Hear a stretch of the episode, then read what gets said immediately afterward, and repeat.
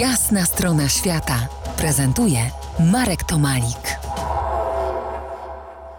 Gościem jasnej strony świata Michał Woroch, podróżnik, fotograf, laureat wielu podróżniczych nagród. Rozmawiamy o jego najnowszej wyprawie wokół Annapurny w Himalajach, która nazywała się Wheelchair Trip Himalayas Challenge 2021.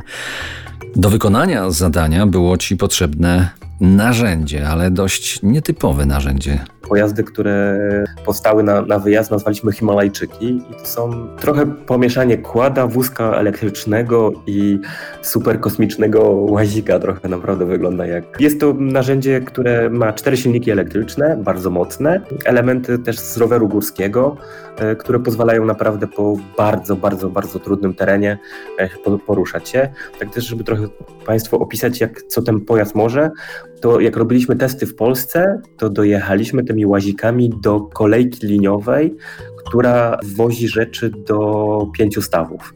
I tą trasę właśnie do tej kolejki pokonaliśmy na tych elektrycznych pojazdach, więc to są bardzo mocne, mocne, e, mocne e, jednostki.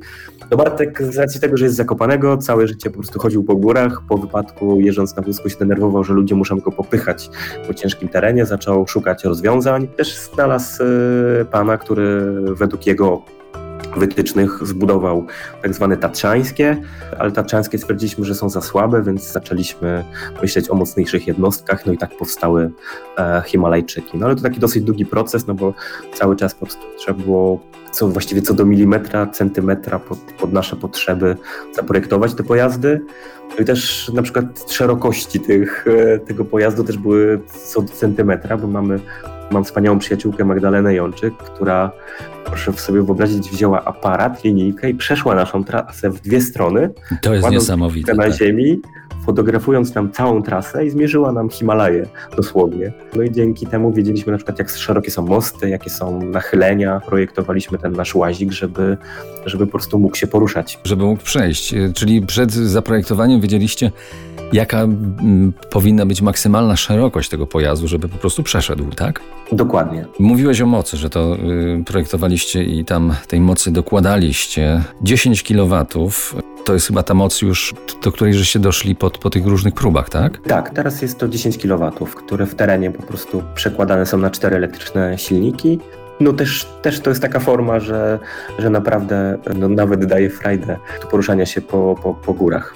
No i też jest niesamowite, no bo mm, proszę sobie wyobrazić, że nagle z wózka inwalidzkiego przesiadam się w takie narzędzie, jadę w góry, jest to ciche, ekologiczne, nie zaśmieca, e, nie hałasuje, e, a nagle mogę się poruszać po, po górach. Przepiękne narzędzie do, e, no tak naprawdę do wolności.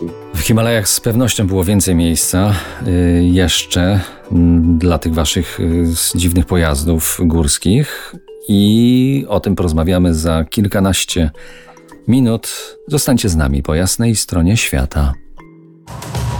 To jest jasna strona świata w RMS Classic.